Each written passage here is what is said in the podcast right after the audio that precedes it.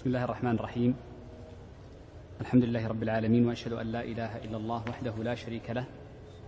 واشهد أن محمدا عبده ورسوله صلى الله عليه وعلى آله وأصحابه وسلم تسليما كثيرا إلى يوم الدين. ثم أما بعد.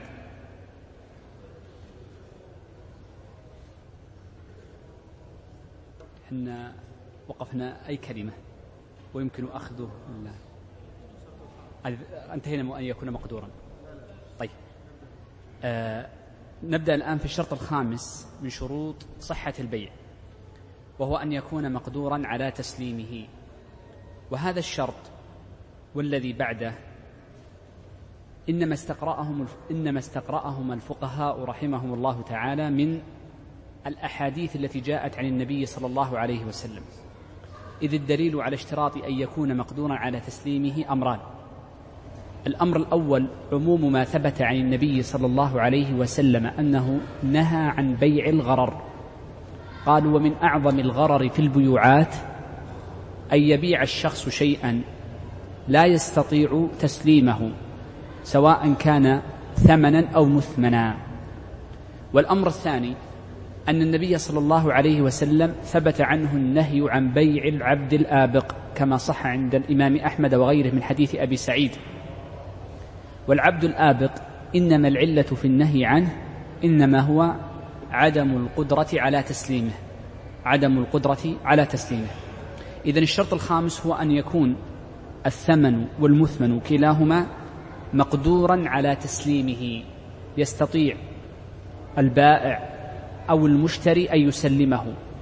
ومعنى ذلك أنه قد يكون المبيع حاضرا في المحل التعاقد وقد يكون غير حاضر. فقد يبيع موصوفا في الذمة. فقد يبيع موصوفا في الذمة. ومع ذلك نصححه إن كان قادرا على تسليمه. يقول الشيخ بدأ الشيخ بذكر بعض الصور التي تتعلق بغير المقدور على تسليمه. فقال فلا يصح بيع آبق.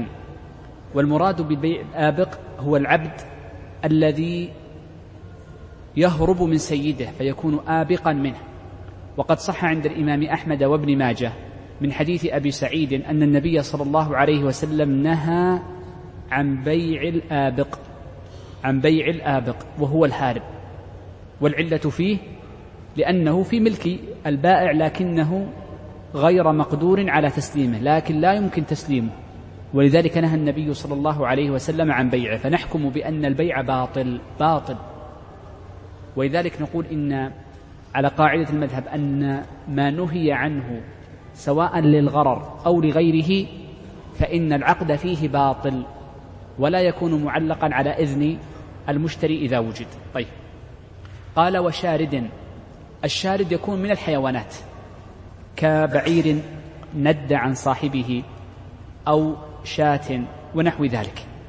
والشارد حكمه كحكم الآبق لأن كلاهما حيوان قد خرج عن صاحبه. قال وطير في هواء. قد يكون المرء طائر يملكه ولكن هذا الطائر في الهواء قد طار عنه. فيقول لا يجوز بيع الطائر في الهواء لأنه إذا انطلق في الهواء فإنه في حكم الشارد. فقد يعود وقد لا يعود لكن إن عاد لصاحبه جاز بيعه. إن عاد لصاحبه جاز بيعه وعلى ذلك. فلو أن امرأ له طائر يطير في السماء فقال أتبيعني هذا الطائر؟ قال نعم بكذا. فنقول إن هذا التعاقد لا يكون بيعا لأنه باطل وإنما يعتبر مواعدة فقط. انتبه. حينما أبطلنا التعاقد نقول إنه يعتبر مواعدة. فإذا وصل الطير بيد صاحبه هنا ينشئون العقد من جديد. لأن المواعدة عند الفقهاء لا تعتبر بيعا لا تعتبر عقدا وإنما تعتبر وعدا تعتبر آه، يعني نحو ذلك من المعاني التي تكون مقدمة للبيع. لا ليس بلازم. لم يقل أحد من الفقهاء إن الوعد لازم فيما يتعلق بالقضاء لكن من الفقهاء من قال إنه لازم ديانة. طبعا في غير هذه الصورة طبعا إذا قال وعدتك فمنهم من يرى أنه لازم ديانة. ونقل ذلك عن بعض المالكية وبعض الحنفية. وبعض المعاصرين يتوسع في يرى أن الإلزام يرى أن الإلزام يعني أو الوعد يكون ملزما. ولذلك يرون أن قول المالكية في الإلزام بالوعد ديانة يكون أيضا في الحكم والقضاء وهذا غير صحيح. طيب. سم. إذا كان في. إيه الآن بذكر استثناءات كونه يرجع سأذكره بعد قليل. طيب. آه قال وطائر في هواء وسمك في ماء. مثله إذا كان الشخص له سمك والسمك ملكه ولكنها في ماء كبير واسع وأراد أن يبيع هذا السمك. فنقول إنه لا يصح هذا العقد. لكن انظر عندنا استثناءان. الاستثناء الأول إذا كان الشخص سيبيع لا السمك وإنما سيقول سوف أصيد لك السمك فهذا ليس بيعا وإنما هو عقد آخر عقد جعالة أو عقد آه، إجارة على حسب إن كان على العمل أو على النتيجة. فهو ليس مالكا للسمك وإنما قال سأصطاد لك السمك. هذه خارجة عن مسألتنا والعقد فيها صحيح. وإنما عقد لو قال أبيعك هذه السمكة. فإنهم يقولون إن العقد غير صحيح لأنها في مكان. إذا الاستثناء الأول عرفنا أن قد يكون التعاقد أحيانا على العمل فيجوز. ولكن إذا كان التعاقد على المعين الذي يراد بيعه فإنه لا يصح. الاستثناء الثاني الفقهاء يقولون إن بيع السمك في الماء يجوز يجوز بيعه بشرطين ومثله الطير في الهواء. الشرط الأول إذا كان مرئيا لينفي الجهالة. يكون مرئي من حيث الحجم صغرا ونوعا ونحو ذلك. والشرط الثاني أن يمكن التقاطه بسهولة. أن يمكن التقاطه بسهولة كأن يكون الإناء صغيرا مثلا. أو يعني قريب التناول وهناك حجارة تمنع من الانتقال ونحو ذلك. فإذا كان يمكن التقاطه بسهولة فحينئذ يصح بيع آه، الطير في الهواء والسمك بالماء بالشرطين اللي ذكرت لكم. فإذا عرفنا الاستثناءين وضحت لنا المسألة تماما. إذا الطير في السماء والسمك في الهواء يصح العقد على الفعل وهو الصيد. ويصح العقد عليهما إذا كان مملوكين بشرطين. الشرط الأول أن يكون مرئيا يرى. والشرط الثاني أن أن يمكن صيده أو يمكن أخذه بسهولة أو بيسر. طيب. قال ولا مغصوب من غير غاصبه. هذه مسألة مهمة جدا تحتاج إلى بعض التفصيل. أو قادر على أخذه. المغصوب لا يجوز بيعه ولا يصح. معنى المغصوب أي باعتبار المغصوب منه. فلو أن امرأ عنده شيء فأخذ منه على وجه القوة والغلبة. أخذ منه بقوة. أخذه منه صاحب قوة وغلبة وظلم, وظلم وقهر. فالآخذ يسمى غاصبا والمأخوذ منه يسمى مغصوب منه. الغاصب لا يصح بيعه. لماذا؟ لأنه باع ما لا يملك. وهذا تكلمنا عنه في الدرس الماضي.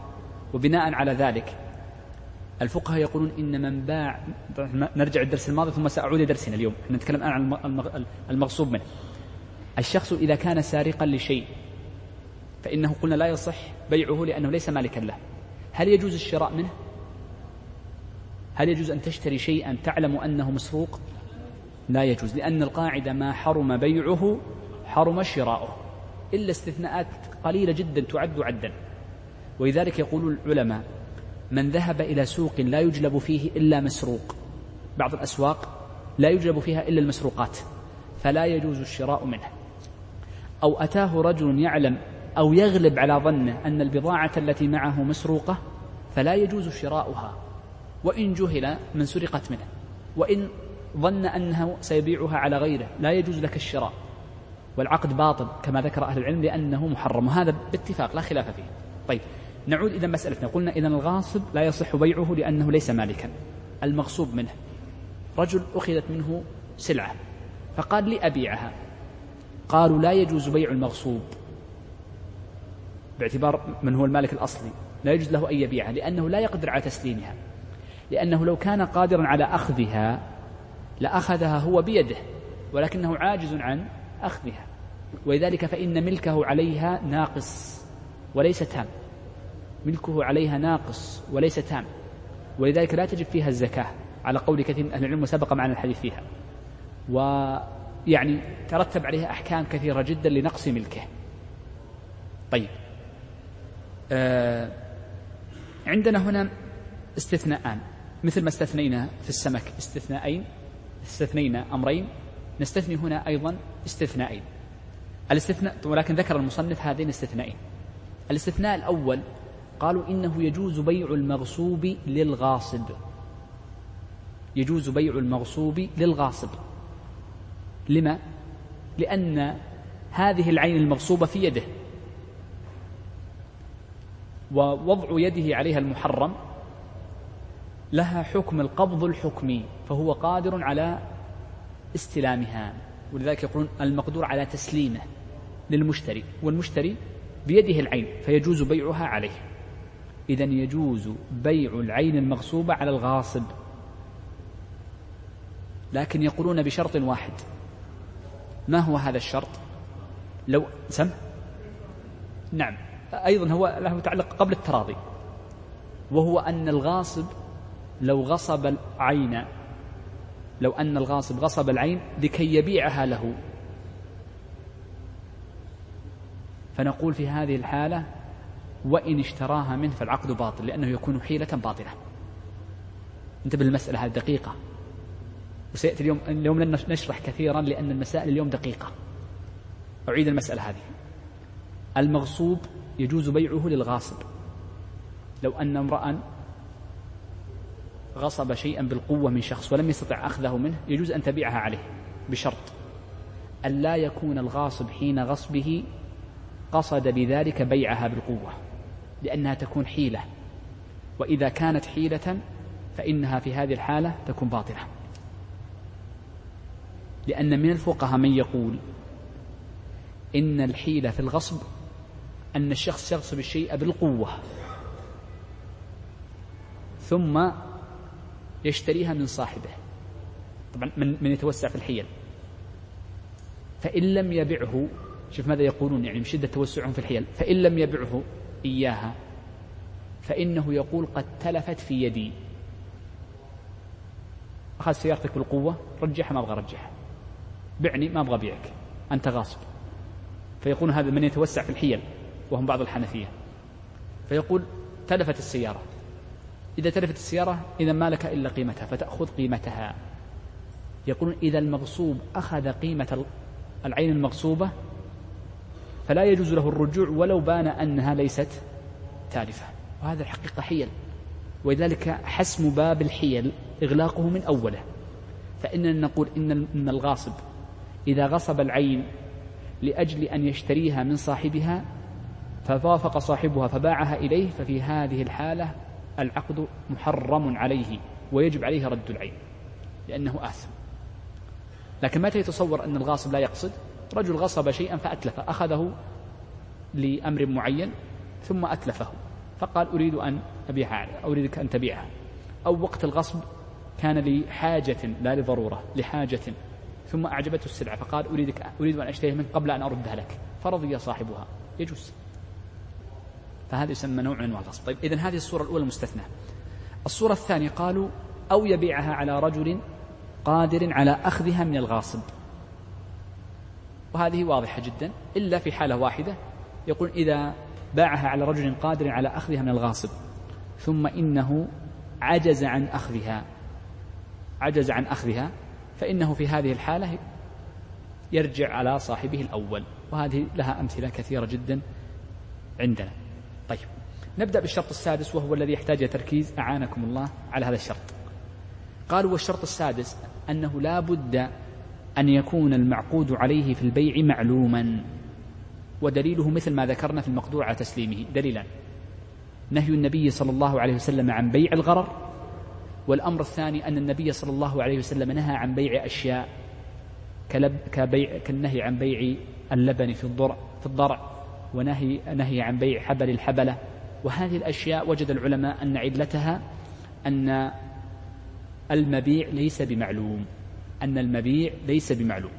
طيب. إذا معنى المعلوم أن يكون معروفا لدى المتعاقد الذي سيشتري هذه السلعة. طيب. نبدأ بأول مسألة معنا. في هذا الشرط وهو كيفية العلم. كيف يكون العلم؟ الفقهاء يقول يقولون إن العلم يكون بواحد من أمرين كما ذكر المصنف وأن يكون معلوما برؤية أو صفة. نأخذ هذين الأمرين ثم نذكر ما هو شرطهما. قال لا بد أن يكون معلوما برؤية بأن يرى المرء الشيء المعقود عليه. يرى الثوب يرى الطاولة يرى البيت ونحو ذلك. قالوا وهذه الرؤية إما أن تكون لجميع المعقود عليه لجميعه أو لبعضه إذا دل على الباقي أو لبعضه إذا دل على الباقي. مثل رجل رأى ثوبا من هذا الجهة معروف أن الجهة الأخرى شبيهة بها فتدل على الباقي ما يلزم رؤية جميع الجهات. طيب إذا عرفنا الرؤية. قالوا وفي معنى الرؤية ما زلنا في الرؤية. قالوا وفي معنى الرؤية اللمس والشم والذوق فيما يقبل هذه الأمور الثلاثة. فالذوق لما يذاق من نحو البهارات فقد يكون الشخص يذوق ولا يرى. كالأعمى. والشم فيما يشم من الأطياب فإنها تنوب عن الرؤية. واللمس فيما يلمس مما يتعلق ببعض الأشياء مثل لنقل مثلا يعني يعني مثلا الذي يباع باللمس مثلا ينظر لنعومته وخشونته. لنقول مثلا الأقمشة مثلا مع الأقمشة ينظر أيضا للونها لها أثر. لكن كان في ذهنكم شيء آخر غير الأقمشة يعني شيء يعرف فقط باللبس. الأثاث لكن الرؤية لأن شكل الرسمة. لكن الأشياء التي تعتمد عادة على الخشونة والنعومة فيكون لها أثر. ولذلك يقول الفقهاء إن الأعمى يصح بيعه وشراؤه وإن كان لا يرى لأن ذوقه وشمه ولمسه ينوبان عن رؤيته فهما في معنى الرؤية. طيب. الأمر الثاني قال أو صفة أو صفة كيف أو صفة قال لا بد أن يكون المعقود عليه معلوم للمشتري إما بالرؤية أو بأن يوصف له بأن يذكر له الوصف. ومن شرط هذا الوصف أن يكون وصفا مؤثرا في قيمته. ما يقول بعتك كرسي كرسي هناك كرسي بألف ريال وهناك كرسي بخمس ريالات. فهناك لابد أن يكون وصفا مؤثرا في قيمته. وهذا الذي يعبر عنه الفقهاء بقولهم يكون وصفا كوصف السلم. سنتكلم عن وصف السلم كيف يكون مؤثر في محله إن شاء الله. إذا لابد أن يكون وصف مؤثر. مثلا نوع صناعته أين صنع؟ نوع نوع المادة التي صنع منها؟ أهو خشب؟ أهو بلاستيك؟ أهو حديد؟ آه بعض المواصفات المؤثرة كل مبيع له مواصفات الخاصة. ولذلك أحيانا ما يكون من بيع الذي يكون عن طريق الكتالوج. فيأتيك بصورة له هذه ليست رؤية له وإنما صورة لنموذج له. ثم يذكر لك مواصفاته من حيث الطول من حيث العرض من حيث المواصفات. فإذا كانت هذه المواصفات دقيقة نقول إذن هذه معرفة الصفة قائمة مقام الرؤية فيصح العقد بها. فيصح العقد بها. طيب. سم شيخ محمد. تقصد التامة لكل تكلمت قبل قليل قلت إن الرؤية إما أن تكون لكل المعقود عليه أو لبعضه بشرط أن تدل على الباقي. والفقهاء قديما كانوا يمثلون بالثوب يقول إذا نظر لثوب غير مطرز أجزأ عن نظر ثاني لكن مطرز لا يقلبه. هذا كلام مهم لكن في زماننا الآن هذا مرده للعرف مرده للعرف في معرفة ما ينظر. يعني مثلا في السيارات في الرؤية نظر الهيكل الخارجي يفتح الشنطة يفتح المراتب هذا أهم الأشياء التي تنظر لسوءها وتقصيرها. ولسوءها ولجودتها. طيب. عندنا في الرؤية والصفة شرط واحد. قالوا لا بد أن تكون الرؤية ومعرفة الصفة مقارنة للعقد ولم يقولوا مقترنة بالعقد. شوف فرق تعبير الفقهاء. قالوا مقارنة ولم يقولوا مقترنة. والفرق أن المقترنة يجب أن تكون في نفس التعاقد بينما المقارنة قد تكون معه وقد تكون قبله. ولذلك يقولون إذا كانت الرؤية أو الصفة قبل العقد بوقت يتغير فيه مثله فإنه لا يصح. رأى الشجر قبل شهرين قبل سنة. الشجر ينمو ويكبر فإذا أراد أن يبيع الأصل مع مع مع, مع الشجر الأصل اللي هو الأرض مع الثمر معا فإنه في هذه الحالة يتغير. طيب. يقول الشيخ فإن اشترى ما لم يره. أو رآه وجهله أو وصف له بما لا يكفي سلما لم يصح. نبدأ بها ثلاث جمل. هذه الثلاث جمل هي عكس عكس السابق عكس السابق تماما. سنأخذ كل جملة معناها ومن أين عرفنا أنها عكس؟ فتأملوا في الكتاب معكم. يقول الأمر الأول إذا اشترى ما لم يره يعني لم يره ولم يوصف له معا. لم يره ولم يوصف معه ولم يوصف له معا. فنقول هنا إنه لا يصح العقد. لما؟ لأنه لم تتحقق الرؤية لم يتحقق العلم بالمعقود عليه لا بالرؤية ولا بالصفة. كلا الاثنين قد اختلا. كلا الاثنين قد اختلا. اختلت الرؤية واختل الوصف. فالطريقان للعلم بالمعقود به فقدا إذا لم يصح. الحالة الثانية قال أو رآه وجهله. نعم قد رآه لكن لا يعلم ما هو. رأى شيئا مربعا لكن ما يعرف ماذا يستخدم فيه وما هو هذا الشيء وما هي حقيقته. فنقول هنا أيضا لا يصح لأن الرؤية هنا أن الرؤية هنا ليست كافية في العلم مع أنه رآه لكن لا يعلم ما هو. رأيت شيئا مربعا رأيت شيئا أسودا ما هو لا أدري. لا يعرف ما هو. إذا لم يعلم ما هو لا يجعله إذا لا بد من الرؤية أن تكون مبينة لحقيقة الشيء لحقيقة الشيء. إذا فلا يصح. الأمر الثالث قال إذا وصف له بما لا يكفي سلما. طبعا لم يره لكن وصف له لكن الوصف كان ناقص. الثانية رآه لكن رؤيته ناقصة. هنا وصف وصفا ناقصا. وقلنا إن قيد الوصف ما هو؟ أن يكون بما بما يصح في السلم الأوصاف التي تصح في السلم. وصف له وصف قليل جدا فإنه قالوا لا يصح. لأنه لا يكون عالما بالمعقود به. وضحت الثلاث لأني سأذكر خلافا في الثالثة. واضحة؟ طيب ما هو الذي يكفي في السلف؟ اللي ذكرته قبل قليل. وهو أنه يأتيه بالأوصاف المؤثرة في الثمن. إذا كان الطول والقصر في الشيء عدد أدوار البيت آه، مساحة البيت هي تختلف. ما هو الأوصاف المؤثرة الكبرى؟ المؤثرة في الثمن. في أوصاف قد لا تؤثر في الثمن غير مؤثرة تسمى أوصاف طردية في الثمن. أو أوصاف تؤثر تأثيرا يسيرا جدا لا قيمة له. طيب انظر عندنا هنا استثناء في الأخيرة وهي قضية إذا وصف له بما لا يكفي. مثل ماذا نقول وصف له بما لا يكفي؟ هذه دائما تأتي لنا ولذلك سأذكر لكم الاستثناء بعد قليل. رجل ذهب لصاحب صاحب الله وقال أنا أريد كرسي. خلينا نغير الكرسي. نقول أنا أريد أريد نظارة. الشيخ ولا نظارة نظارة خلينا نقول شماغ. شماغ.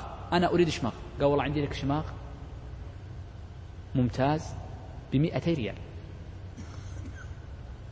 لما جاءه الشماغ الممتاز هذا الذي بمئتي ريال إذا به شماغ لونه برتقالي. البرتقالي كان الناس يلبسون الآن ما حد يلبس برتقالي؟ إلا نادرا صح ولا لا؟ وصفه له قال سآتيك بشماغ. أو لكنه أو مثلا قال آتيك بشماغ ماركة الفلانية وأعطاه نفس الوصف الشركة لكنه اختلف اللون ما أعطاه اللون ما كذب عليه. فعلى القاعدة هذه ماذا؟ لا يصح لأن اختلاف اللون هنا في شماغ يؤثر القيمة يؤثر في القيمة جدا إذا لا يصح. وضحت هذه وهذه دائما ما تأتينا دائما تأتينا وتتحقق كثيرا عند الناس. لكن استثنى بعض الفقهاء وهي رواية في المذهب قواها جمع من المتأخرين ومنهم الشويكي في التوضيح. قال انتبه للموصوف. قال إن الموصوف الموصوف بما لا يكفي إذا علم جنسه صح البيع. وللمشتري الخيار. شفت الفرق بين اثنين؟ قال إذا وصف عرف جنسه وقال سأتيك بشماغ يقول أن يصح البيع وأتاه بشماغ غير غير الشماغ الثاني صح البيع. ولكن للمشتري يقول لا أريد أرجع لمالي أو يقول أمضيته. له الخيار. والحقيقة أن الرواية الثانية التي ذكرها الشويكي والشويكي يعني كلامهم يعني دقيق جدا عليه رحمة الله من علماء الحنابلة في دمشق. وكان بعض المشايخ يثني على كتابه حتى أن الشيخ ابن سعد يقول أن التوضيح للشويكي أحسن من المنتهى لابن النجار. وهو من طبقة شيوخ شيوخهم لأنه توفي أيضا في الثلاثينات 930 وبعده بأربعين سنة مات ابن النجار. فالمقصود من هذا ما هو أن ما رجحه الشويكي أنه إذا عرف أنه إذا عرف جنس المعقود عليه وإن لم يكن الوصف دقيقا صح البيع لكن لك خيار الشراء. والحقيقة أن هذا القول هو الذي ما يسع الناس إلا هو لأن كثير من التعاقدات مبنية على هذا الأمر. كثير من التعاقدات مبنية على هذا الأمر. بدليل أنت ألست تطلب من المطعم أحيانا أكل معين؟ فقد يأتيك الأكل ولكن لم يصف لك وصفا دقيقا. أنت تعرف أعطيته تقول مثلا أريد رز مثلا. ما هو نوع الطبخ؟ ما هو كذا؟ فأنت عرفت الجنس. لو قلنا إن العقد باطل إذا لا بد أن تعيد التعاقد مرة أخرى ولو بالمعاطاة. ولو قلنا إنه صحيح وأنت لك الخيار إذا صححت من الابتداء وهو وهو الأقرب. فلا يجوز له هو الرجوع ويجوز لك أنت أيها المشتري الرجوع وهو القول الراجح. لكن لو قلت إنه باطل يجوز له هو أن يقول لا لا أريد. خلاص ما أبغى أجيب لك. وفي ذلك ضرر على الناس. إذا فمقصودي من هذا. أنا لما ذكرت لكم القولين عند متأخر الحنابلة قلت لكم أن ما رجح الشويكي هو الأقرب دليلا وهو الأنسب للقواعد العامة في الشريعة والقواعد المذهب. طيب. طيب. يقول الشيخ بدأ في ذكر بعض الصور التي يكون غير معلوم برؤية ولا بصفة. قال ولا ولا يباع حمل في بطن. الحمل في بطن نوعان إما حمل آدمية أو حمل حيوان. حمل الآدمية المقصود بها الأمة فتكون أمة ملكا لرجل. طبعا هذا في الزمان الأول وقلت لكم إنه قد انقطع الرق وجودا منذ نحو من سبعين سنة أو أقل أقل خمسين سنة تقريبا. ومن حيث الحكم نقل بعض الفقهاء وهو ابن حجر الهيثم الشافعي أن الرق قد انقطع من 400 سنة أو أكثر 500 سنة أو أكثر. لكن نذكر المسألة. الحمل في بطن الآدمية أن تكون أمة أن تكون أمة حاملة. فيأتي شخص فيقول اشتريت ما في بطنها قد يكون ذكرا وقد يكون أنثى فتكون جارية. ولكن هذا طبعا قلت لكم أنه غير موجود الآن. وقد يكون بيع الحمل للحيوان وهذا كثير في زماننا. فتأتي الناقة الطيبة وهي حامل معشرة فيأتي رجل فيقول اشتريت ما في بطنها. وهو يعلم أن أن الذي عشرها مثلا الفحل الفلاني. فيغلب على ظنه أن هذه الناقة جيدة. فيقول لا فيقول أريد أن أشتري هذا الحمل إذا منفردا. نتكلم عن بيع الحمل منفردا ما يجوز. ما الدليل على ذلك ما ثبت في الصحيح من حديث ابن عمر رضي الله عنهما أن النبي صلى الله عليه وسلم نهى عن بيع حبل الحبلة. حبل حبل الحبلة اللي هو حمل الحامل اللي هو من الحيوانات. طيب سأرجع لهذه. أنا سأذكر سأشرحها كلمة كلمة مع دليلها ثم سأرجع لأن فيها مسائل متشابهة. سأذكر لكم فيها تقسيما يحل عندنا إشكال كبير جدا إن شاء الله. قال ولبن في ضرع منفردين. ما يجوز بيع اللبن في الضرع؟ ما يجوز بيع اللبن في الضرع يعني قبل الحلب. وأما بعد الحلب فبإجماع أهل العلم يجوز. وكذلك الحمل إذا خرج من بطن أمه فبإجماع أهل العلم يجوز. ولكن قبل خروجه من بطن أمه وكذلك اللبن في الضرع بنفس المعنى لأنه من داخله. قال ولا مسك في فأرته. المسك معروف. طيب يؤخذ من الظبا من الغزلان. وكيف يكون أخذه؟ يقول إن بعض أنواع الظبا والغزلان. إذا أجهدت بالركض حدث تحت سرتها مثل الغدة. مثل الغدة يعني تأتي جلد ويجتمع. ثم تجهد بالركض تجهد بالركض حتى تسقط.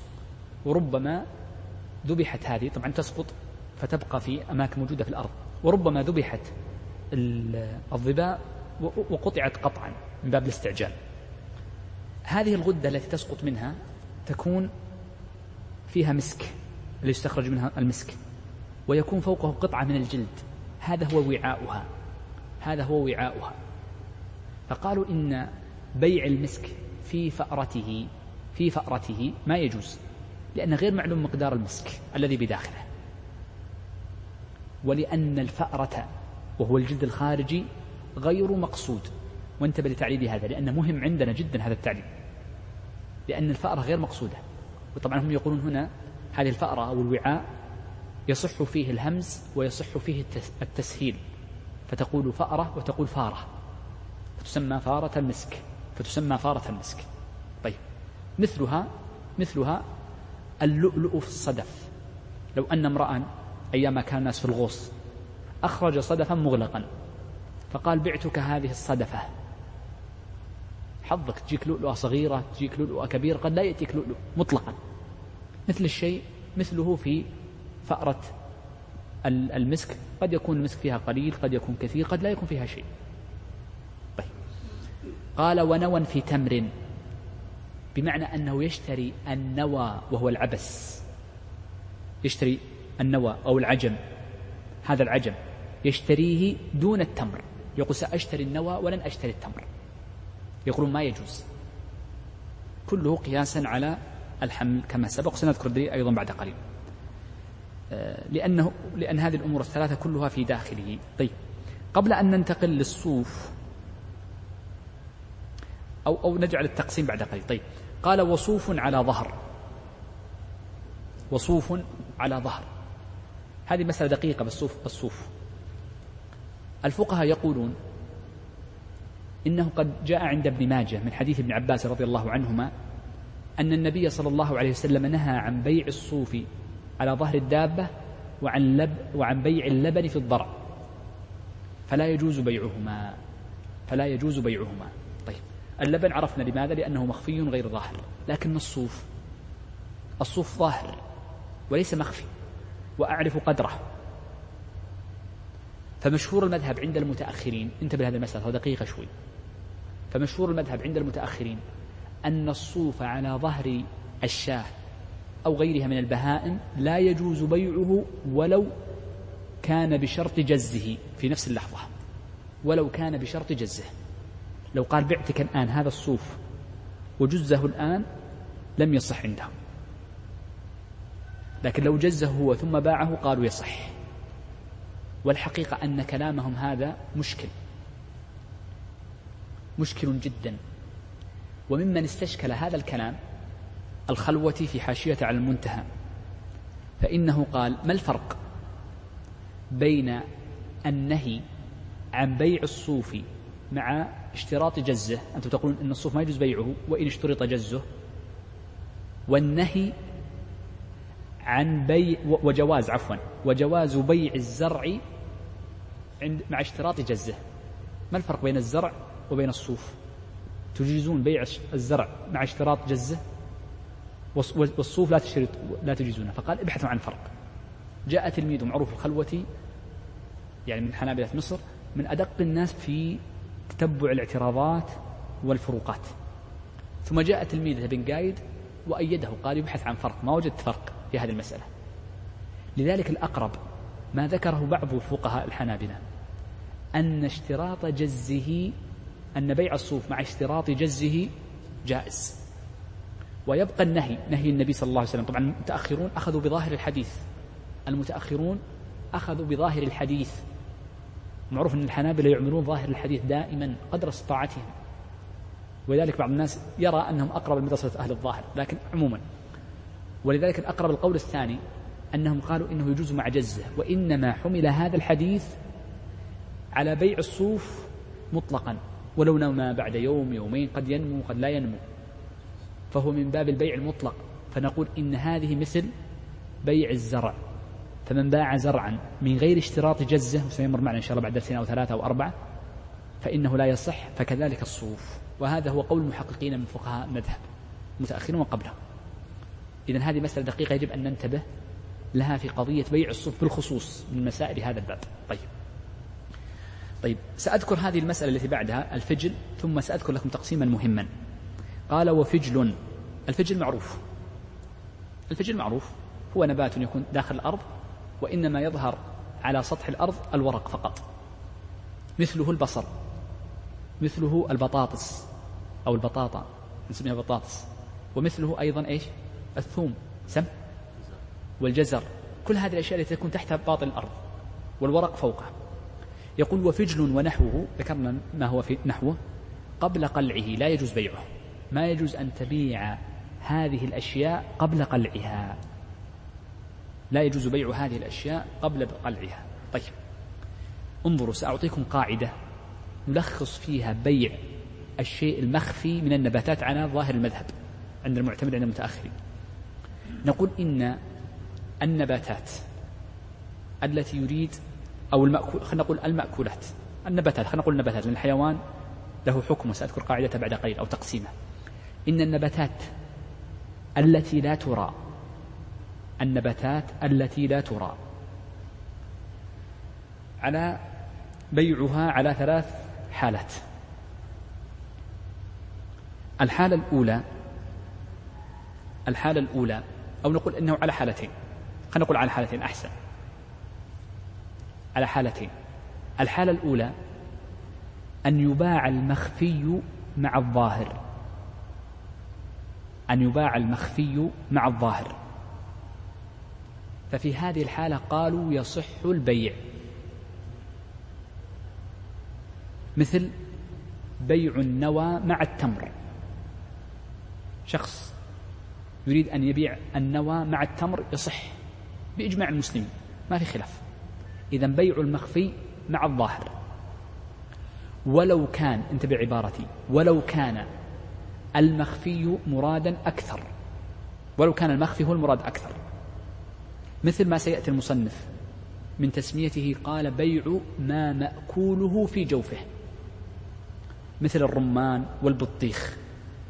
البطيخ يقصد داخله وخارجه لكن أغلب القصد لداخله. يؤكل خارجه. القشر يؤكل. ما حد قال لك إنه ما يؤكل يؤكل.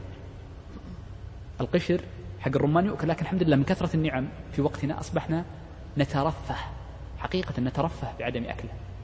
الرمان من قال لكم إن قشره لا يؤكل؟ يؤكل. وما زال الناس يتطببون به. لكن أغلب قصد الناس الباطل. أغلب قصد الناس الباطل. فقالوا إن ما مأكول في جوفه يباع مع ظاهره فيصح. كالرمان كالبطيخ بيع الباقلاء اللي هو الفول بيع السنبل يعني بيع بيع القمح في سنبله. سنتكلم عنها بعد قليل أو سيذكرها بعد المصنف بعد قليل إذا عرفنا الحالة الأولى وهي ماذا؟ أن يباع الشيء الباطن الخفي مع الظاهر معا.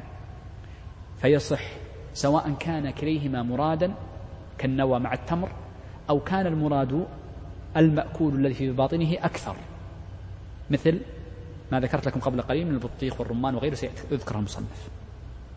الحالة الثانية الحالة الثانية أن يباع الخفي فقط. أن يباع الخفي فقط. قالوا هذا مثله مثل بيع النوى.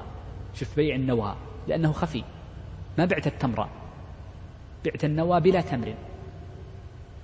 من باع النوى بلا تمر باع الخفية وحده ما يجوز لأنه غير معلوم. قالوا ومثله أيضا بيع الفجل ونحوه. لأنك الحقيقة الفجل ما تبيع الذي فوق إنما تبيع الذي تحت. أنت قلت أبيع الفجل أبيع الفجل.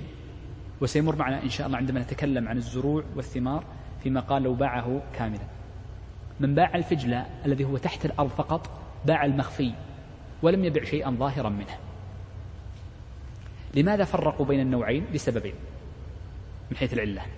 الأمر الأول أن الغرر يعفى عنه فيما لو كان تابعا. إذ التابع تابع. وهنا المعقود عليه لما بيع المخفي مع الظاهر عفي عنه. هذا السبب الأول.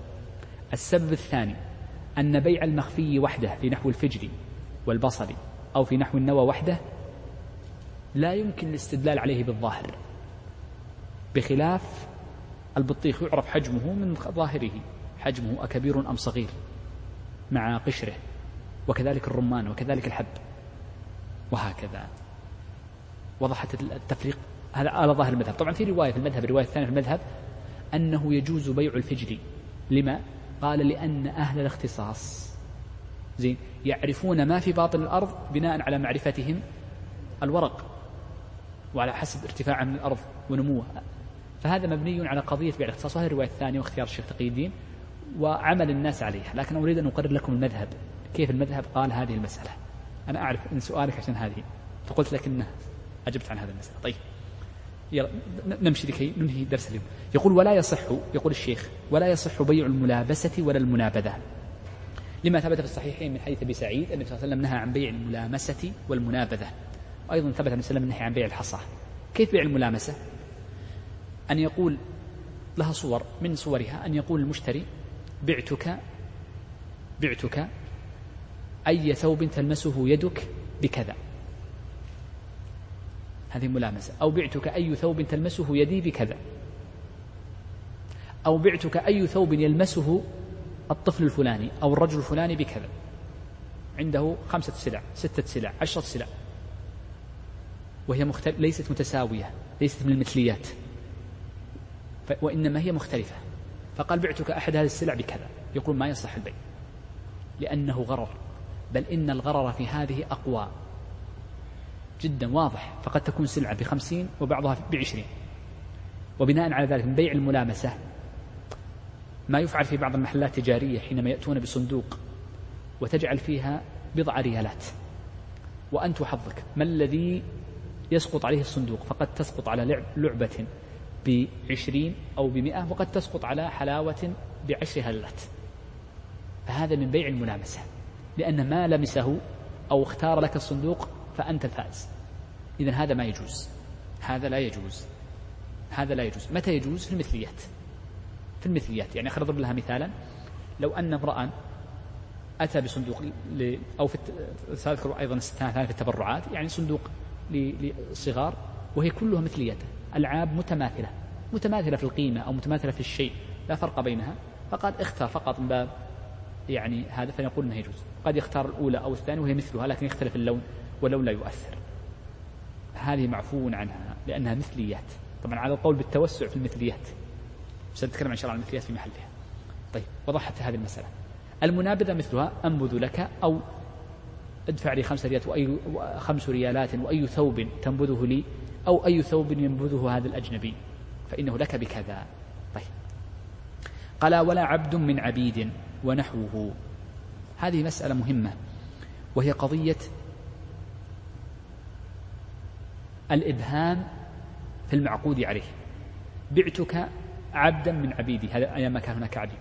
أو أن نحوه مثل أن يقول بعتك آه، شجرة في بستاني.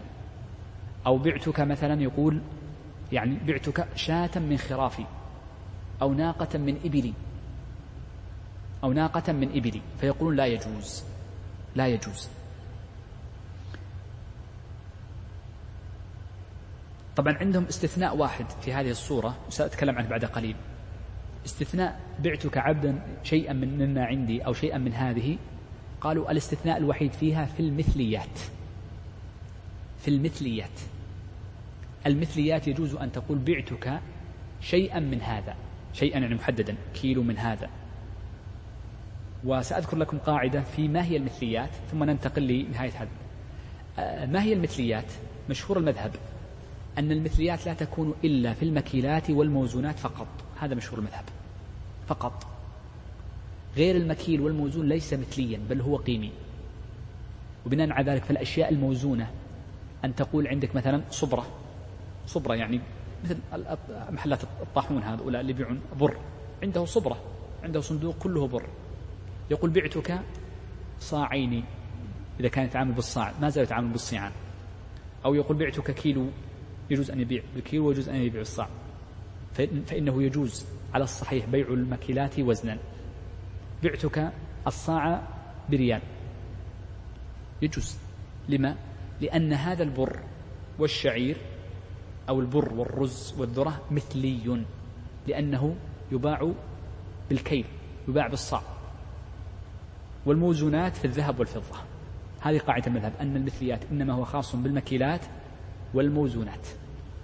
والرواية الثانية وأنا سأذكر الرواية الثانية الحقيقة لأنها مهمة جدا أن المثليات أوسع من ذلك. وأن ضابط المثليات إنما هو العرف والحقيقة. وهذه الرواية الثانية في المذهب. والحقيقة أن هذا الزمان أثبت هذه الرواية. فإن المصنع يصنع لك مثل هذا المنديل لا يفارق منه ولا أقول ملي أقل من ملي. فالمثليات أوسع. فكل ما كان العرف يقتضي المثليات وخصوصا في المصنوعات مصنوعات الآلات فإنه مثلي لأنها مثليات. يأتيك المصنع فيعطيك من هذه القنينة ألف لا فرق بينها. أتحداك تفرق بينها. يعطيك ألف من هذه الأجهزة اللاقطة. إذا المثليات على الرواية الثانية الصحيح أنها أوسع من المكيلات والموزونات هذا الصحيح. وهو الذي يقتضي ذلك. وبناء على ذلك لو أن رجلا عنده ألف سجادة متشابهة فقال بعتك سجادة من هذه السجاجيد بألف وكانت متشابهة. على المذهب أنا أدري أني أتعبتكم هذا الدرس اليوم لكن من اليوم إن شاء الله لن نطيل. كل يوم نأخذ صفحة واحدة. كل يوم نأخذ صفحتين ونصف. الآن سنأخذ صفحة واحدة. لو قال بعتك سجادة من سجاجيدي وهي متشابهة ب 500 ريال. على المذهب باطل. ليش يا شيخ؟ ليس ليس مثليا. أحسن بيض الله وجهك. ليس مثليا لأن المثليات المكيلات وموزونات. وعلى الرواية الثانية جائزة لأن المرد للعرف والعرف بالعكس. الآن يا شيخ المثليات في المصنوعات في هذا الزمان أدق من المثليات في الزمن الأول في المكيلات والموزونات. أدق بكثير يا شيخ. طيب انظر مثال آخر. واحد عنده خمسين كيس رز من النوع الفلاني. نقول يعني أبو كاس. مثلا. فقال بعتك كيسين من هذه الأكياس. يصح ولا ما يصح؟ على المذهب أول شيء. يصح لأنها مثليات مكيلات وعلى رواية ثانية باب أولى. طيب رجل عنده أنواع من الرز كل واحد شكل. كل واحد شكل. فقال بعتك كيسة من هذه الأكياس بخمسين ريال. اختر اللي تبغى. واحد صغير واحد كبير واحد نوع أمريكي واحد هندي واحد باكستاني واحد تايلندي واحد حساوي رز حساوي أغلى شيء الحساوي.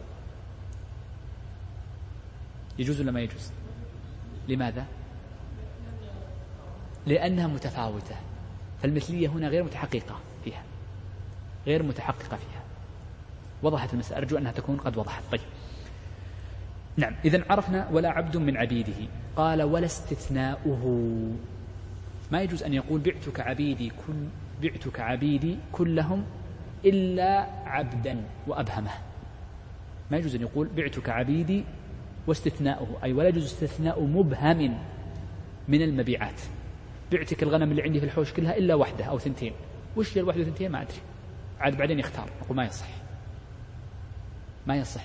إذا لا يجوز استثناء ما يجوز استثناء المبهم أو المجهول. طيب. قال إلا معينا إلا معينا. يعني إلا بعتك هذا الحوش إلا هذه بعينها واحدة. لأن كأنه يعني بدل ما يقول بعتك الست قال بعتك السبع إلا واحدة إلا هذه. هي نفس المعنى. والدليل على ذلك ما ثبت عن النبي صلى الله عليه وسلم في صحيح مسلم أنه نهى عن الثنيا. وهو الاستثناء إلا أن يكون معينا إلا أن تعلم إلا أن تعلم إلا أن يكون معينا يعني إلا نهى عن الثنيا إلا أن تعلم تكون معلومة. إذا الاستثناء في البيع لا يصح إلا بش يعني بعتك كذا إلا كذا إلا بشرطين. الشرط الأول أن يكون المبيع معلوما وأن يكون المستثنى معلوما. لأن لو كان المبيع مجهول بعتك مثل ما قال عبيدي ما يصح إلا في المثليات. ولو كان المستثنى ولو كان هو معلوم والمستثنى مجهول ما يصح لأن استثناء المجهول من المعلوم يجعل المعلوم مجهولا. بعتك خمسمائة إلا بعض الشيء وشو بعض الشيء لا أعلم إذا هو مجهول. طيب.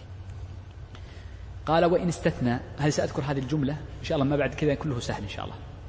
قال وإن استثنى من حيوان يؤكل يؤكل. يعني من حيوان يؤكل باع حيوانا يؤكل. رأسه وجلده وأطرافه صح. طبعا آه، دليل على أنه يصح استثناء. ذلك من الحيوان المأكول ما جاء عند أبي داود في كتاب المراسيل. أن النبي صلى الله عليه وسلم آه، باع باع يعني آه، بهائم واستثنى بعض ما في جوف واستثنى بعض أطرافها أو نحو ما جاء عند أبي داود في المراسيل. واستثنى إيش؟ سلاها؟ سلبها. نعم واستثنى سلبها. إذا استثنى بعض الأشياء التي فيها كجلدها وسنذكر بعدها قليل كجلدها وأطرافها. طيب. لا يؤكل رأسه. استثنى من حيوان يؤكل. انتهت الجملة. يعني استثنى من الحيوان الذي يؤكل رأسه. استثنى من حيوان يؤكل رأسه. يعني الحيوان الذي يؤكل هذه جملة واحدة ثم رأسه هو المستثنى. سم؟ نبه رأسه استثنى رأسه. يعني استثنى رأس الحيوان الذي يؤكل. لازم تصير منصوبة. لازم منصوبة. طيب انتبه الثاني قال وعكسه الشحم والحمل. فلا يصح. يعني لو باع حيوانا وقال لكن حمله لي أو شحمه لي فيقولون ما يصح. فيقولون ما يصح. طيب خلينا نذكر قاعدة فيما يتعلق ببيع جزء من الحيوان المتصل به. نجمع هذه المسائل ذكرها المصنف قبل في أول الشرط ونذكرها هنا. ثم نذكر لما فرقنا بين الصور. نقول إن بيع جزء من الحيوان المتصل به له ثلاث حالات. من باب تحليل محل النزاع عشان نفهم. بيع الحيوان المتصل به مثل الشحم مثل الجلد مثل الأظلاف اللي هي الأطراف مثل الرأس مثل جزء من اللحم أبغى خمسة كيلو من, من, من, من, هذه الخروف. عرفنا إيش معنى جزء من الحيوان المتصل به؟ جزء من الحيوان المتصل به. نقول لها ثلاث حالات. الحالة الأولى أن يباع معه من باب التبع. أن يباع معه من باب التبع. فنقول هنا ماذا؟ يجوز بإجماع أهل العلم. يجوز بإجماع أهل العلم ما في خلاف. باع شاة مع حملها باع شاة مع جلدها. يقول يجوز بإجماع أهل العلم. لكن خالف بعض متأخر المذهب بس مسألة دقيقة ولن أقف عندها كثيرا. قالوا إنه وهذا الحقيقة خلاف في غير محله. قالوا يجب أن لا ينص على التابع. يجب أن لا ينص عليه وإنما يذكر الأصل فقط. والحقيقة أن في هذا التقييد نظر. في هذا التقييد نظر. طيب. الحالة الثانية إذا كان قد باع الجزء المتصل بعد الذبح. بعد الذبح. ذبح الشاة فجاء واحد قال أريد رأسها. والثاني قال أريد خمسة كيلو من لحمها. والثالث قال أريد أظلافها اللي هي الكوارع. والرابع قال أريد الجلد. فقد نقل المرداوي أنه يجوز بيعه بعد الذبح. إذا ذبحت جاز. الحالة الثالثة وهو بيعه منفردا قبل الذبح. بيعه منفردا قبل الذبح. يأتي جماعة فيقول عندهم شاة فيقول لي الرأس والثاني يقول لي كذا فهل يجوز أم لا؟ نقول أول شيء نقول لها ثلاث صور أيضا بيعها ما نقول لها صورتان لكن قبل يجب أن نعرف نحن نتكلم عن بيع إيش؟ الجزء المتصل. ولا نتكلم عن بيع الجزء المشاع. لو قال لي نصف الشاة خلاص يجوز. مثل أربعة يشاركون في في يعني مثل حاشي هذه دائما تصير. أربعة يتشاركون في حاشي إذا نحن شركاء في الربع. لا نتكلم عن المشاركة في الجزء. نتكلم عن شراء جزء معين. المشاع يجوز يتشاركون في جزء المشاع هذا ما في إشكال. نحن نتكلم كل كلامنا فيما لو اشترى أراد النصف وهذا أراد الشحم وهذا أراد اللحم وهكذا. نقول لها حالتان. الأصل المنع. الأصل المنع. ولكن لها حالتان. الحالة الأولى ما لا يصح منفردا. ما لا يصح بيعه منفردا. ولا يصح استثناؤه. معا. شوف لا يصح بيعه منفردا ولا يصح استثناؤه. قالوا هذا مثل الشحم واللحم. ما يجوز شخص يقول بعتك شحم هذه الناقة أو خمسة كيلوات من شحم هذه الناقة قبل قبل ذبحها. ولا يجوز استثناؤه. ما يقول بعتك هذه الناقة إلا شحمها أو إلا خمس كيلوات من شحمها أو إلا رطلا من شحمها. ومثله الرجل لأن الرجل لحم وشحم لكن الأطراف اللي هي الأضلاع سيأتي بعد قليل. هذه لا يجوز بيعها منفردة ولا يجوز استثناؤها عند البيع. النوع الثاني ما لا يصح بيعه منفردا ولكن يصح استثناؤه من البيع. قالوا مثل الرأس. هذا مثل الرأس والجلد والأطراف. والصوف لأنه ملحق أيضا بالجلد. على القول بإطلاق النهي عن البيع. وضحت الصورة؟ يجوز ما يجوز بيعها منفردة لكن يجوز استثناؤها. كيف؟ ما يجوز لك أن تقول طبعا لماذا سنذكر لماذا فرقوا بين الصورتين من حيث الدليل النصي ثم من حيث المعنى. ما يجوز أن تقول بعتك رأس هذه الشاة. لكن يجوز تقول بعتك الشاة إلا رأسها. ما يجوز تقول بعتك جلد هذه الشاة. لكن يجوز تقول بعتك الشاة إلا جلدها. فإذا ذبحها يرجع له الجلد. ما يجوز تقول بعتك هذه الشاة إلا أطرافها اللي هي المقادم. لكن عفوا ما يجوز تقول بعتك مقادم هذه الشاة. لكن يجوز عكسها الاستثناء وهو بعتك هذه الشاة إلا مقادمها. لماذا فرقنا؟ أول شيء للنص الحديث الذي ورد عند أبي داود في المراسيل. وجل الأحاديث التي في مراسيل أبي داود عليها العمل عند أهل العلم جلها. فإن أبا داود لم يذكر أي مرسل في كتابه المراسيل وإنما ذكر المراسيل التي عليها العمل عليها عمل المسلمين. وجل فقهاء السلف عليها. وإذا كتاب المراسيل لأبي داود بعض الناس يقول ما فائدة هذا الكتاب؟ كله ضعيف. يقول لأنك أنت ما تعرف طريقة فقهاء الحديث التعامل مع الحديث الضعيف. فإن مراسيل أبي داود انتقى من المراسيل القوي وانتقى من المراسيل أيضا ما عليه العمل. في الجملة طبعا في استثناءات في بعضها ويكون وجهات نظر تختلف من شخص لآخر لكن في الجملة هو كذلك. طيب وذلك لم يذكر مراسيل الضعيفة جدا. في ناس مراسيلهم ضعيفة كأبي العالي الرياحي. يقول أبو العالي الرياحي مراسيله كاسمه ريح تروح. طيب إذا عرفنا الدليل الاستثناء لماذا فرقت من حيث القاعدة؟ نقول لسببين. السبب الأول أن هذه الأشياء التي تستثنى وهي الأطراف والرأس والجلد ترى فالجهالة فيها أقل من الجهالة التي تكون مما لا يرى. هو يرى بعضها يرى بعضها فالجهالة فيها أقل. والاستثناء عفوا والغرر في الاستثناء أهون من الغرر في الابتداء في ابتداء البيع هذا السبب. السبب الثاني لأن طبعا قلنا إذا أعيدها مرة أخرى. هذا الكلام أقول لأن هذه الأشياء ترى فالجهالة فيها أخف مما لا يرى. ولذلك أبيحت في بعض الصور ومنها عند الاستثناء. الأمر الثاني وهذه قاعدة مهمة لنا جدا. قالوا لأن الاستثناء إبقاء على الملك. بينما البيع نقل للملك فالاستبقاء يعفى فيه عن الجهالة أكثر مما يتعلق بالنقل وتأخرنا في الشرح.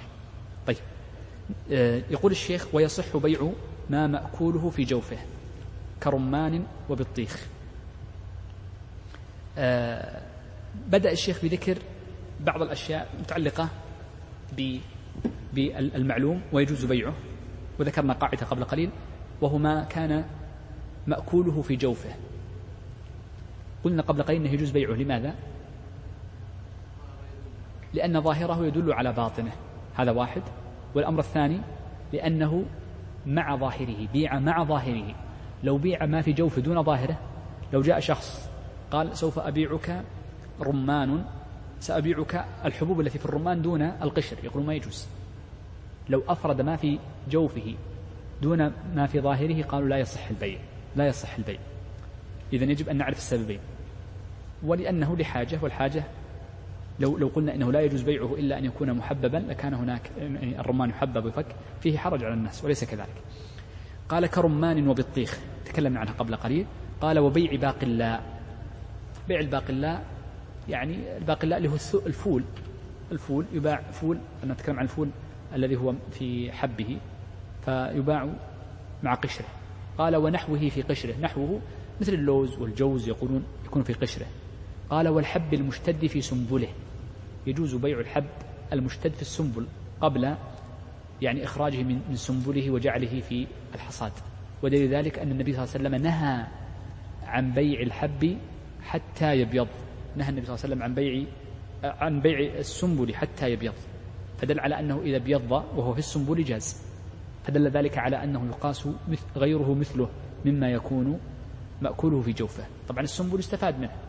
يستفاد من السنبل في أشياء كثيرة. طيب. نذكر الشرط أظن السابع أو نقف. نقف. أنا ودي أنه هي الفصل لكن الدرس الماضي قال لي بعض الأخوان أنه كان يعني ممل شوي. كم أخذنا ساعة طبعا الدرس؟ ساعة. إذا نقف. يعني يعذرونا وين ما مشينا في الدرس لكن إن شاء الله بس فهم الدرس القادم هو تفريق الصفقة. يعني في مبدأ مهم أريدكم أن تركزوا عليه فيما يتعلق بتفريق الصفقة. قبل أن أختم درسي فيه أمران يتعلقان بالدرس الماضي. الأمر الأول فيما يتعلق لما تكلمنا عن بيع غير المساكن مما فتح عنوة كأرض الشام ومصر والعراق.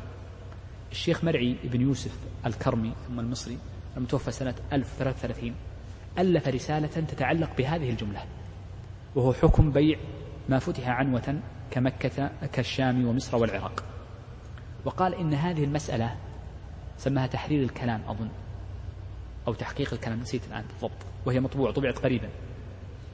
قال إن هذه المسألة أصبحت مجهولة عند عامة الناس. كذا يقول ولا تكاد تعرف إلا في الكتب. ثم ذكر عن القرافي أن أن رجوع الكتب يعني مفيد يعني تكلم في قضية الأخذ من الكتب وإن كان لا يفتى بها. وقرر أن معنى ذلك قرر مسألتين. المذهب كما قررت لكم قبل أن هذه الأراضين فتحت عنوة فلا يجوز بيعها ويجوز كراؤها هذا واحد. وقرر أيضا أن المراد بمصر قال إن بعض معاصري المعاصرين له قال إن المراد بمصر هي المدينة التي يعني فيها فقط كانت في عهد عمر بن الخطاب وعمرو بن العاص رضي الله عنهما. قال هذا غير صحيح. قال فإن طريقة فقهاء المذاهب الأربعة لأنهم جميعا رأوا أنها فتحت عنوة أن كل مصر وكل الشام كذلك وكل العراق إلا الحيرة وغيرها لأنها فتحت فتحت صلحا ولم تكن فتحت عنوة. فقال هذا رأيه. وقال هذا هو المعنى. إذا عرفنا أمرين تحديد المذهب وعرفنا منه تحديد المنطقة وأنها تشمل كل ما فتح في ذلك الزمان عنوة فجعله عمر وقفا. هذه مسألة. أؤكد على مسألة ثانية أن الشيخ تقي الدين ذكر أن هذا صحيح الكلام لكن يجوز لولي الأمر إقطاعه بعد ذلك. يجوز إقطاعه بعد ذلك. قال وهذا يجعل تصحيح بيوعات الناس فيصح بيوعاتهم ويصح تصرفاتهم في مصر وفي الشام وفي العراق. آه، طبعا هذه مسألة. آه، المسألة الثانية كان هناك شيء يتعلق بالحديث عن المرابحة. وعقد المرابحة من العقود المهمة. لكن ما أدري إن كنت سأتكلم عن في أي جملة بعينها. نعم هي تتعلق أيضا في شرط ما لا يملك. من العقود المشهورة في هذا الزمان يتعامل بها الناس كثيرا وخاصة عند البنوك. وخاصة عند البنوك. ما يسمى بعقد المرابحة. وما هو عقد المرابحة؟ طبعا هم لا يسمونه عقد عفوا. يسمونه عقد المرابحة للآمر بالشراء لأن المرابحة منفردة معناها أن شخصا يشتري سلعة ثم يقول لآخر هذه السلعة اشتريتها بكذا وسأبيعها عليك بكذا. هذا عقد مرابحة وهو من أصدق العقود لأنه عرف الربح وعرف رأس المال فدخل المشتري على نور كامل فالربح فيها أطيب من غيرها. لكن أوجدوا أو هناك عقد سمى المرابحة للآمر بالشراء. كيف يكون المرابحة للآمر بالشراء. أن يأتي شخص لآخر سواء كان الآخر بنكا شركة تقسيط صاحبا زميلا ويقول أريد أن أشتري هذه السلعة سيارة بيت علبة مناديل أي شيء. فيقول له طيب.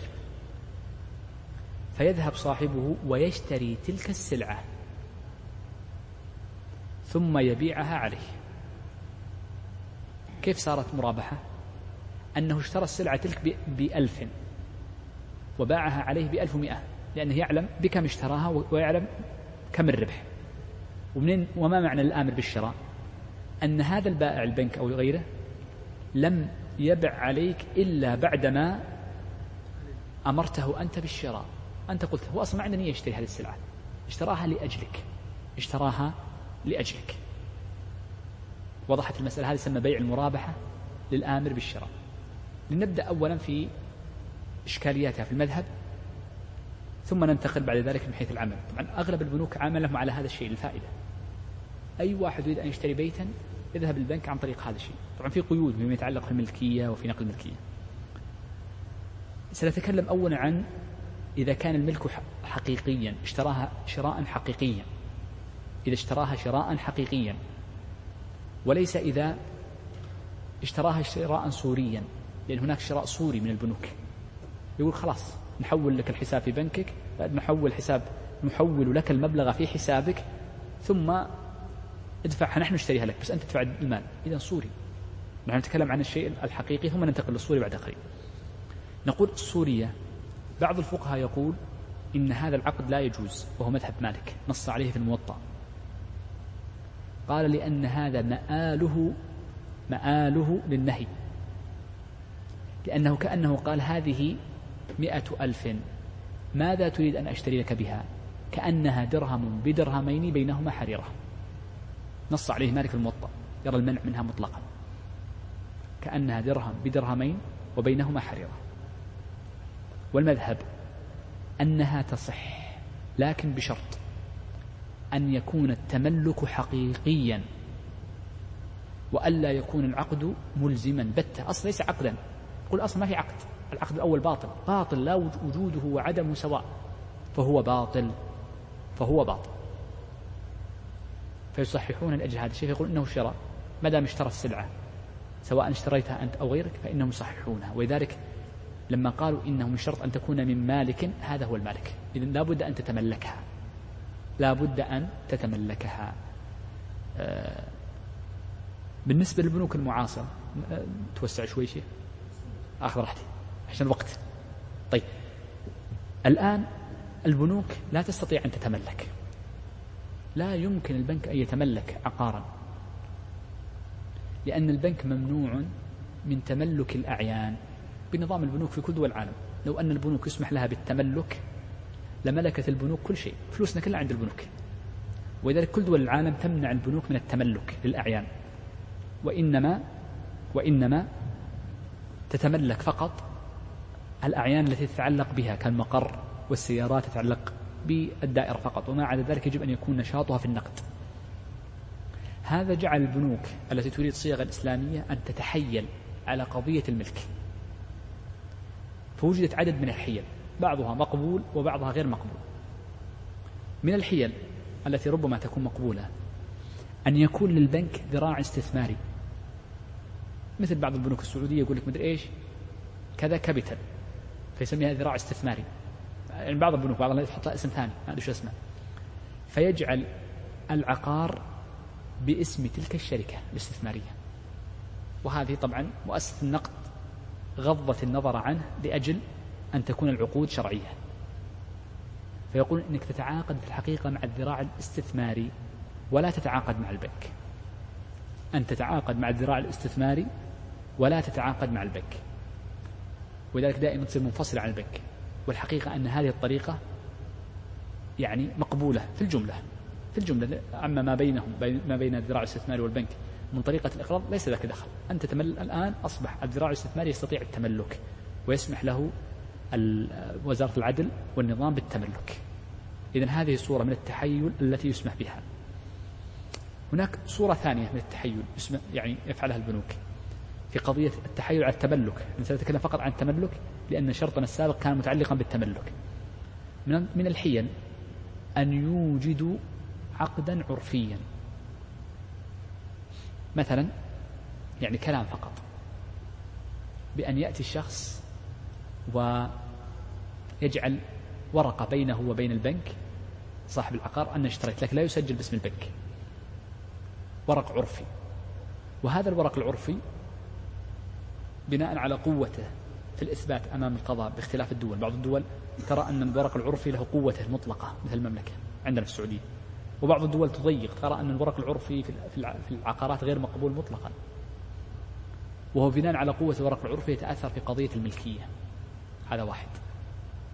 هناك أيضا حيل أخرى مثل أنه يكون أن يبيع ممن هو مأذون له. فيأتي البنك ويتعامل مع شركة معينة مثلا معرض سيارات معينة فيقول أنا سوف أحيل عليك فقط دون ما عداك وهذه مبنية على جواز بيع المأذون به بيع المأذون به. وبعض أهل العلم يجيزها كما ذكرت لكم عن الشيخ تقي الدين لحديث عروة بن الجعدر البارقي. وربما إن شاء الله في الدرس القادم أحاول أن أرتبها لكم وأصيغها. بصياغة كاملة أدق من آه، درس اليوم بمشيئة الله عز وجل. بذلك نكون أنهينا آه، الشرط أظن السادس أو الخامس ما يتعلق بشروط البيع. إن شاء الله في الأسبوع القادم نكمل الشرط الباقي. باقي آه، قضية يعني المسائل التي بعد إن شاء الله تكون سهلة بإذن الله عز وجل. في شيء يتعلق بدرس اليوم؟ سمي شيخنا.